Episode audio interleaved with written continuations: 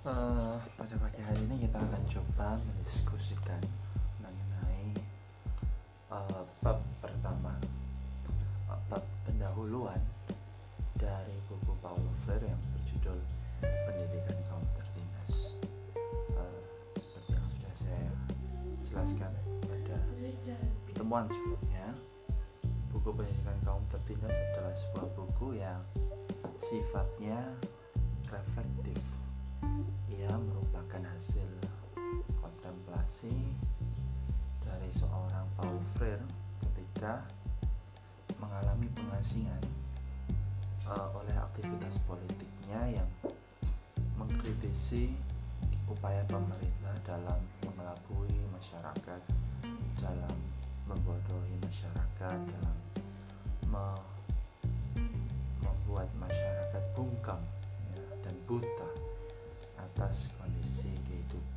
di sekitar mereka.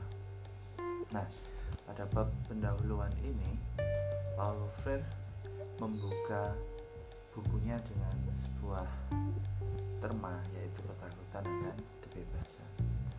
Ketakutan akan kebebasan atau jika rekan-rekan melihat uh, buku pendidikan kaum tertindas dalam versi bahasa Inggris akan menemukan istilahnya yaitu fear of freedom.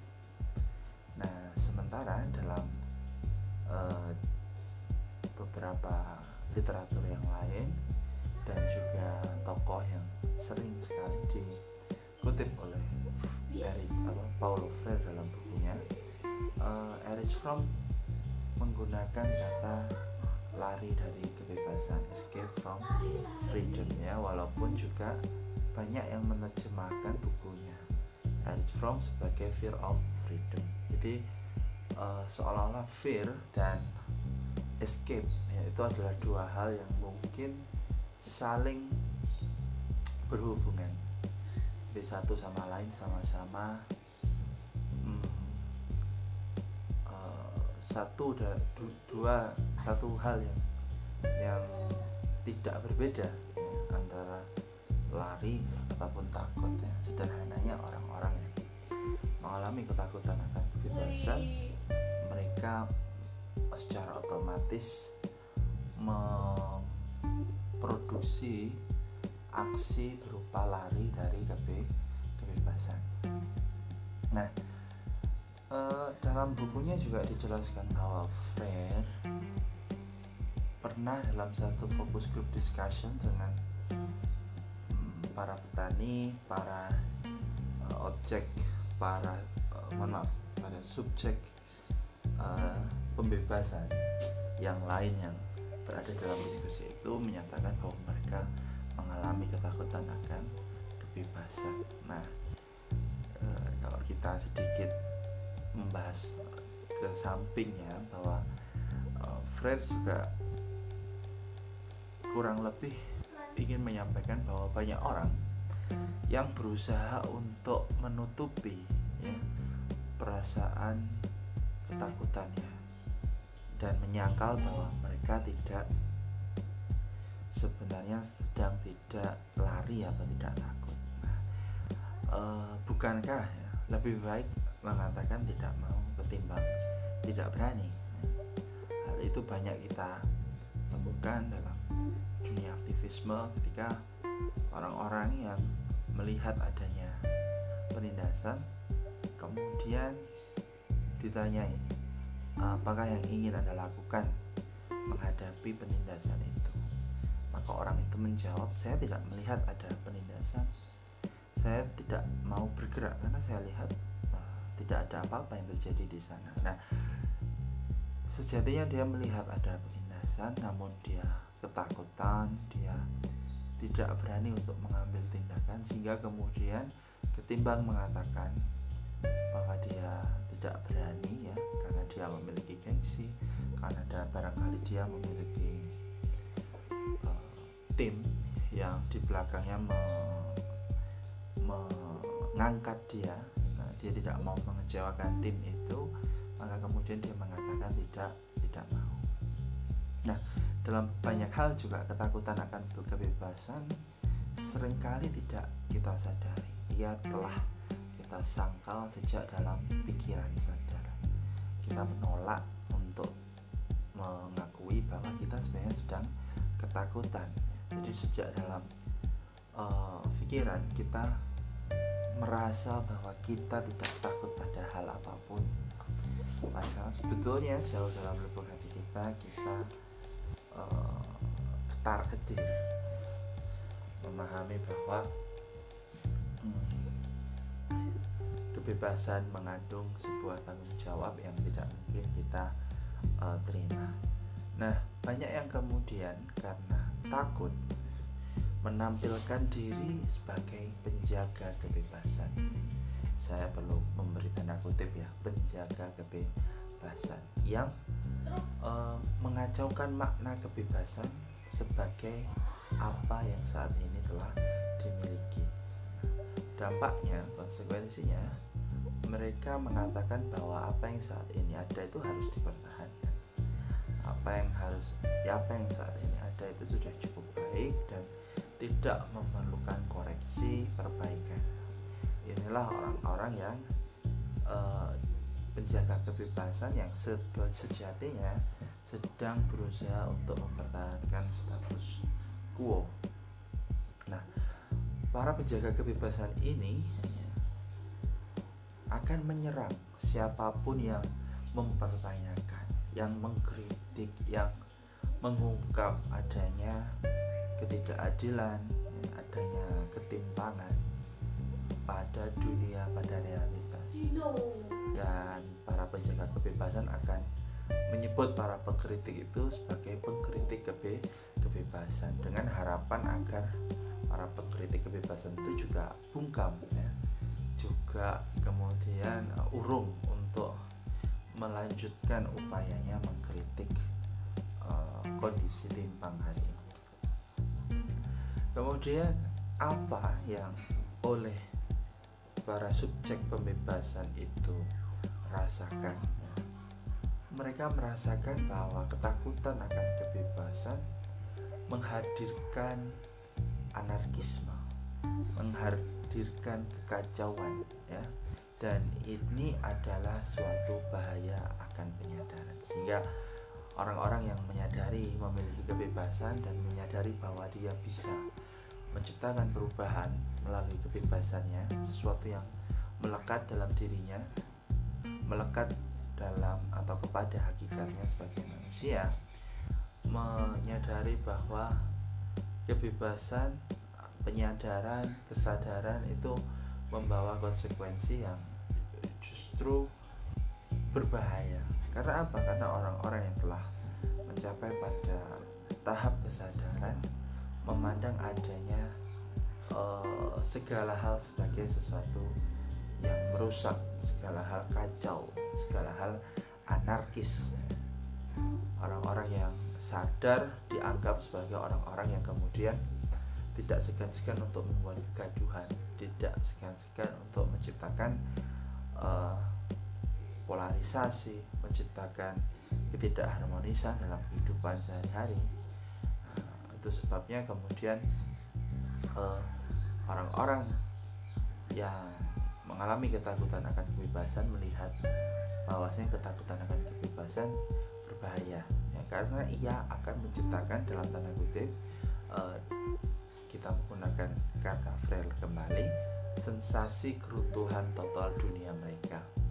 Yang mengetahui bahwa dunia ternyata penuh dengan intrik penuh dengan kepentingan ya. Di balik apa yang mungkin terlihat sedang baik-baik saja padahal ternyata terjadi pengkangan kebebasan sehingga diri ini tak tersisa satu apa pun kecuali uh, objek yang diperlakukan yang dikenai bukan subjek yang memperlakukan dan yang mengenai menciptakan perlah perlakuan. Nah ketakutan akan kebebasan itu juga timbul dari situ dari kekhawatiran adanya fanatisme yang merusak ya. Bahwa orang-orang yang kritis yang sadar yang mengapresiasi menghargai kebebasannya uh, kemudian tidak segan-segan untuk menciptakan uh, pertentangan dalam masyarakat demi mengungkap adanya ketidakadilan ketimpangan.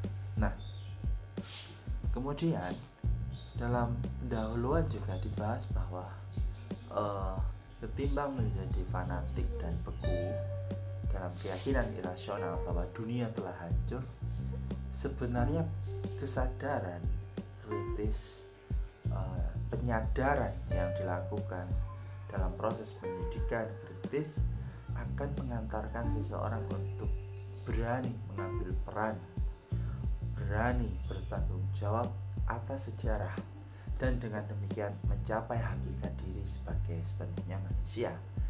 Ya, jadi manusia itu adalah subjek yang merubah sejarah bukan objek yang dirubah oleh dan dalam sejarah jadi alih-alih uh, seseorang menjadi fanatik atau kemudian uh, terdiam tenggelam dalam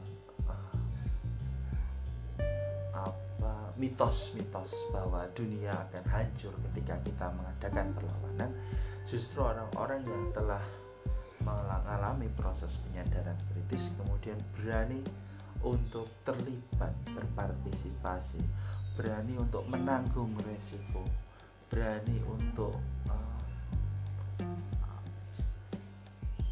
berproses dalam upaya menciptakan dunia yang lebih baik. Yang kedua, orang-orang yang telah melalui proses penyadaran kritis justru memahami dunia secara lebih lengkap, secara uh, total, ya. memahami dunia sepenuhnya sebagaimana adanya, sebagai sesuatu yang meliputi penindasan, meliputi ketidakadilan yang harus dilawan.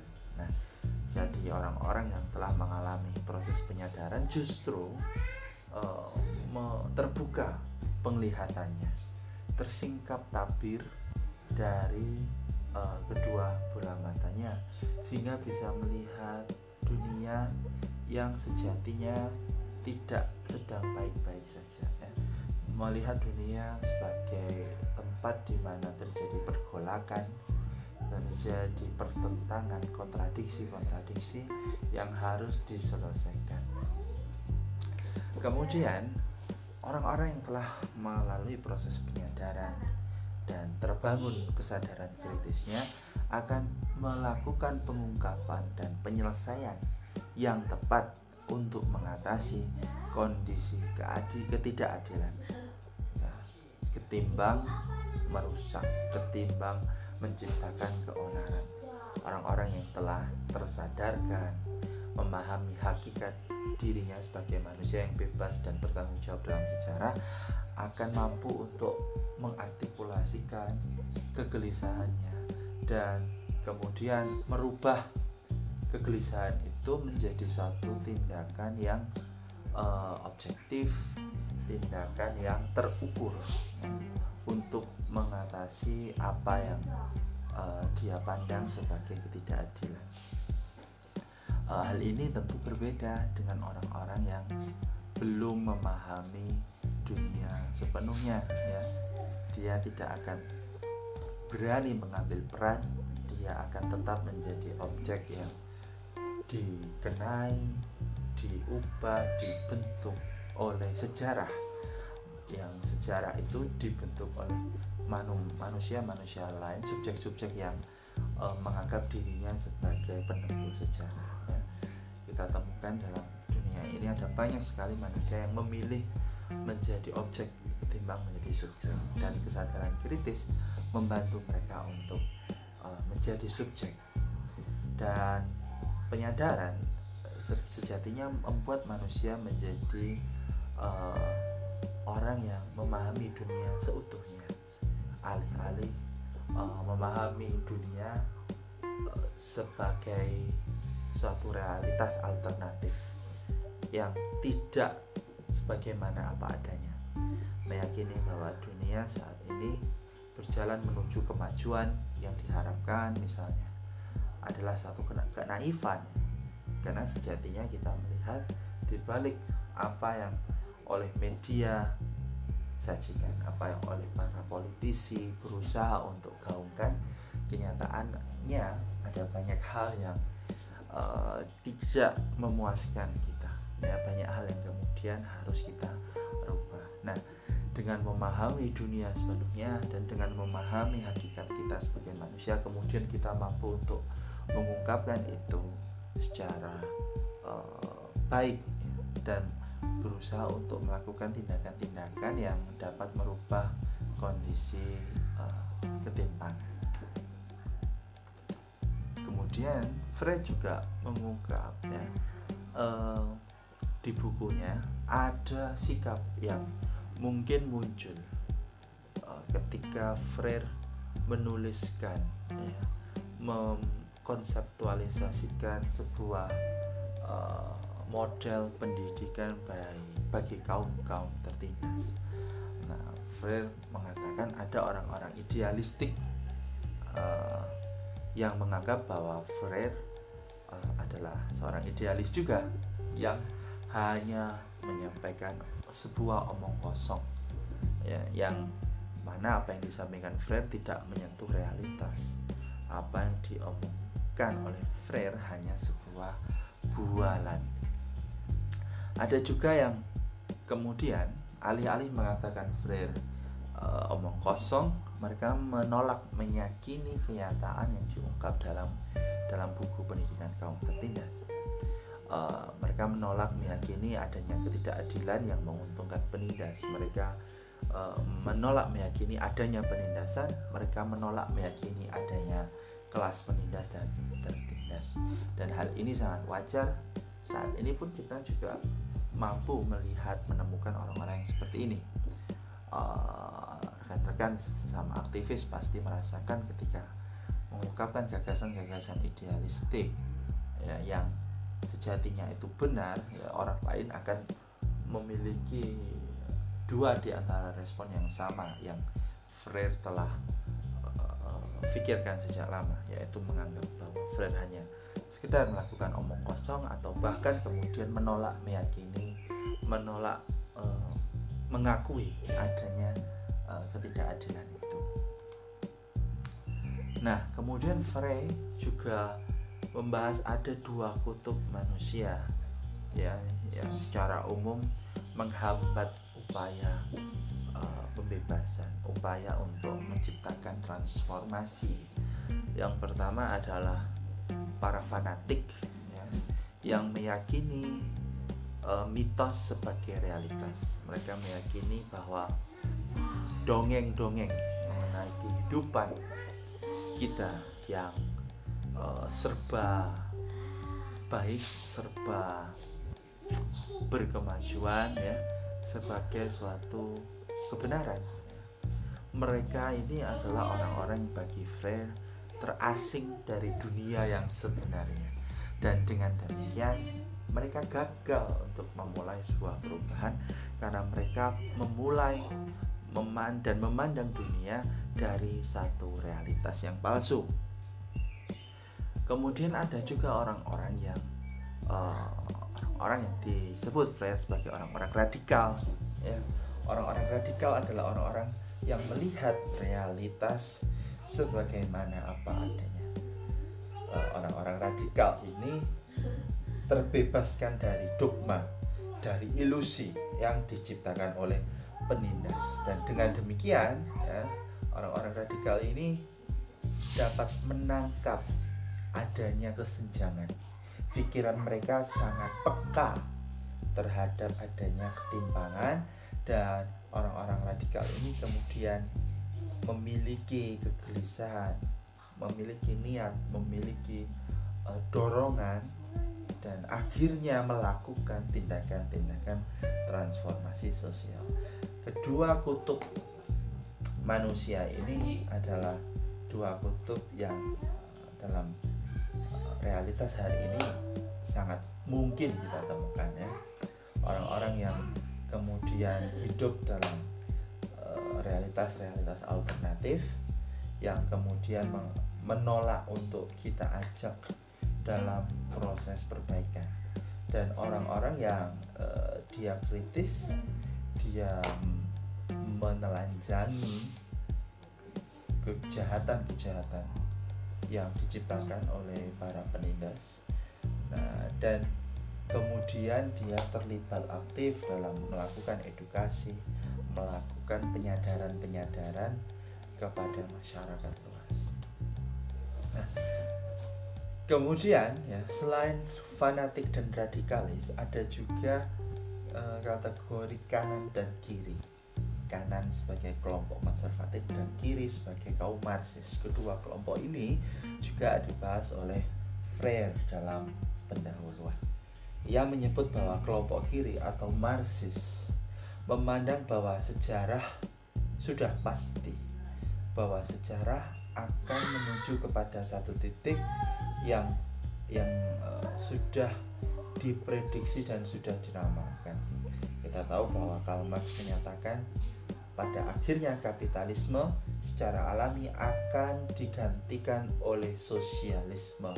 Ketika kaum lemah, kelas menengah ke bawah sudah tidak tahan lagi menanggung beban uh, kesengsaraan yang diciptakan oleh borjuis mereka kemudian akhirnya memberontak melakukan sebuah revolusi mengambil alih alat-alat uh, produksi dan menciptakan tatanan dunia sosialis di mana negara menguasai eh, alat-alat uh, produksi dan mengenakan membagikan uh, sumber daya yang ada kepada semua orang sesuai kebutuhannya. Permasalahannya bagi Freire orang-orang kaum kiri, kelompok kiri ini, kelompok Marxis, kemudian terjebak dalam sejarah, terjebak dari kemungkinan untuk menciptakan perubahan karena mereka menganggap bahwa sejarah tidak perlu diintervensi. Sejarah sudah uh, pasti menuju kepada perubahan yang tidak dapat dilawan oleh uh, kapitalisme. Nah, sementara kita bisa melihat bahwa prediksi Marx hari ini uh, salah besar dalam hal di mana kapitalisme justru bereformasi, kapitalisme justru beradaptasi. Ia melebur dengan budaya dia menciptakan instrumen-instrumen yang kemudian sekalipun menciptakan penindasan dan ketimpangan namun ia menjadi satu ideologi yang dominan yang bahkan dalam benak masyarakat adalah satu kemustahilan untuk kemudian hidup membangun sebuah negara tanpa kapitalisme. Nah, uh, sekali lagi kesalahan besar dari kelompok kiri adalah menganggap sejarah sebagai sesuatu yang uh, secara alami akan bergerak memenuhi apa memenuhi takdirnya yang dengan demikian kelompok kiri atau marxis ini berpangku tangan tidak berusaha untuk me, apa terlibat dengan upaya merubah kondisi yang hari ini ada Sementara sebaliknya ada kelompok kanan atau konservatif yang berusaha menjaga masa kini dengan harapan masa depan akan mengulangi masa kini. Kelompok kanan ini menganggap bahwa nilai-nilai yang sudah ada bahwa kondisi realitas hari ini uh, sudah cukup baik, ya. sudah memenuhi ekspektasi, sudah mengandung eh, muatan-muatan yang yang harus dipertahankan yang itu berpangkal kepada masa lalu ya di mana masa lalu uh, telah mereka pahami secara dangkal secara bias sebagai masa lalu yang baik pula ya dan masa kini merepresentasikan masa lalu. Nah, orang-orang kelompok kanan ini, kelompok konservatif dari istilahnya saja konservatif artinya berusaha untuk menjaga, mengkonserv uh, mereka uh, menolak, menyangkal atau bahkan menghambat berusaha untuk melawan uh, adanya proses transformasi sejarah ya adanya perubahan masyarakat adanya modernisasi adanya penyadaran hal-hal ini ditolak oleh kelompok kanan yang beranggapan bahwa kondisi hari ini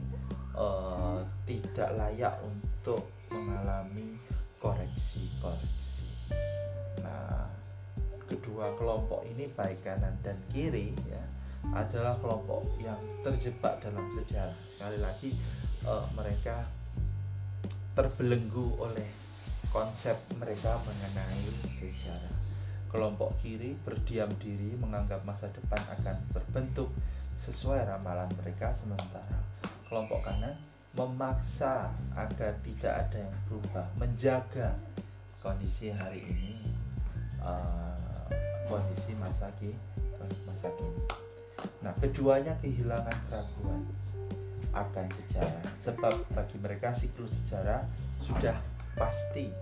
Yang satu meyakini bahwa siklus sejarah uh, akan menuju, menuju titik yang jelas. Sementara yang satunya meyakini bahwa siklus sejarah e, harus dijaga ya. Bahwa bahkan tidak ada siklus sejarah berikutnya yang ada adalah bagaimana mempertahankan agar sejarah berjalan sebagaimana apa yang sudah ada kemudian Fred menutup dengan pembahasan mengenai e, bagaimana mustahilnya melakukan sebuah pembebasan yang dilakukan secara partisan oleh satu pihak atau satu kelompok ya uh, atau dalam istilah Freire secara sektarian ya. oleh satu sekte satu kelompok satu uh, komunitas satu golongan nah pembebasan itu hanya mungkin dilakukan oleh seorang radikal ya yang uh, mana ia menyadari adanya kekeliruan dalam sejarah sehingga merasakan suatu panggilan ya, untuk kemudian masuk ke dalam sejarah sehingga ia semakin mengerti, ia semakin memahami uh, apa yang sedang terjadi dalam uh, realitas sosial yang ia kemudian menguak kebenaran-kebenaran secara lebih to total ya. Dan kemudian orang-orang radikal ini setelah dia menyadari kekeliruan menumbuhkan kegelisahan dalam dirinya ia kemudian tidak diam diri dia tidak melihat sejarah sebagai uh, satu hal yang akan mengkoreksi dirinya secara mandiri. Ia justru orang-orang radikal ini akan justru terlibat berpartisipasi ya, dalam proses berjuang merubah sejarah. Mereka bukan orang-orang yang ditawan oleh sejarah. Mereka bukan orang-orang yang terbelenggu oleh sejarah. Nah lalu ada quotes yang menarik yang saya pikir ingin saya highlight dalam sesi ini. Bahwa Freire mengatakan ya ini adalah semacam doa semacam uh, optimisme dari Freire dan juga ungkapan cinta dari Freire atas uh, kepada masa depan kepada umat manusia kepada seluruh uh, bangsa di muka bumi. Uh, tanpa melihat apa latar belakangnya ya apa keyakinan Freire mengatakan bahwa dalam tanda kutip ya saya buka tanda kutip dari halaman-halaman buku inilah sedikitnya saya berharap hal-hal berikut akan tetap lestari. Kepercayaan saya kepada rakyat jelata, keyakinan saya kepada manusia, dan kepada penciptaan sebuah dunia tempat manusia dapat lebih mudah mencintai pasangannya. Demikian uh, bedah buku untuk bagian pertama, bagian pendahuluan dalam uh, buku pendidikan kaum tertindas karya Paulo Freire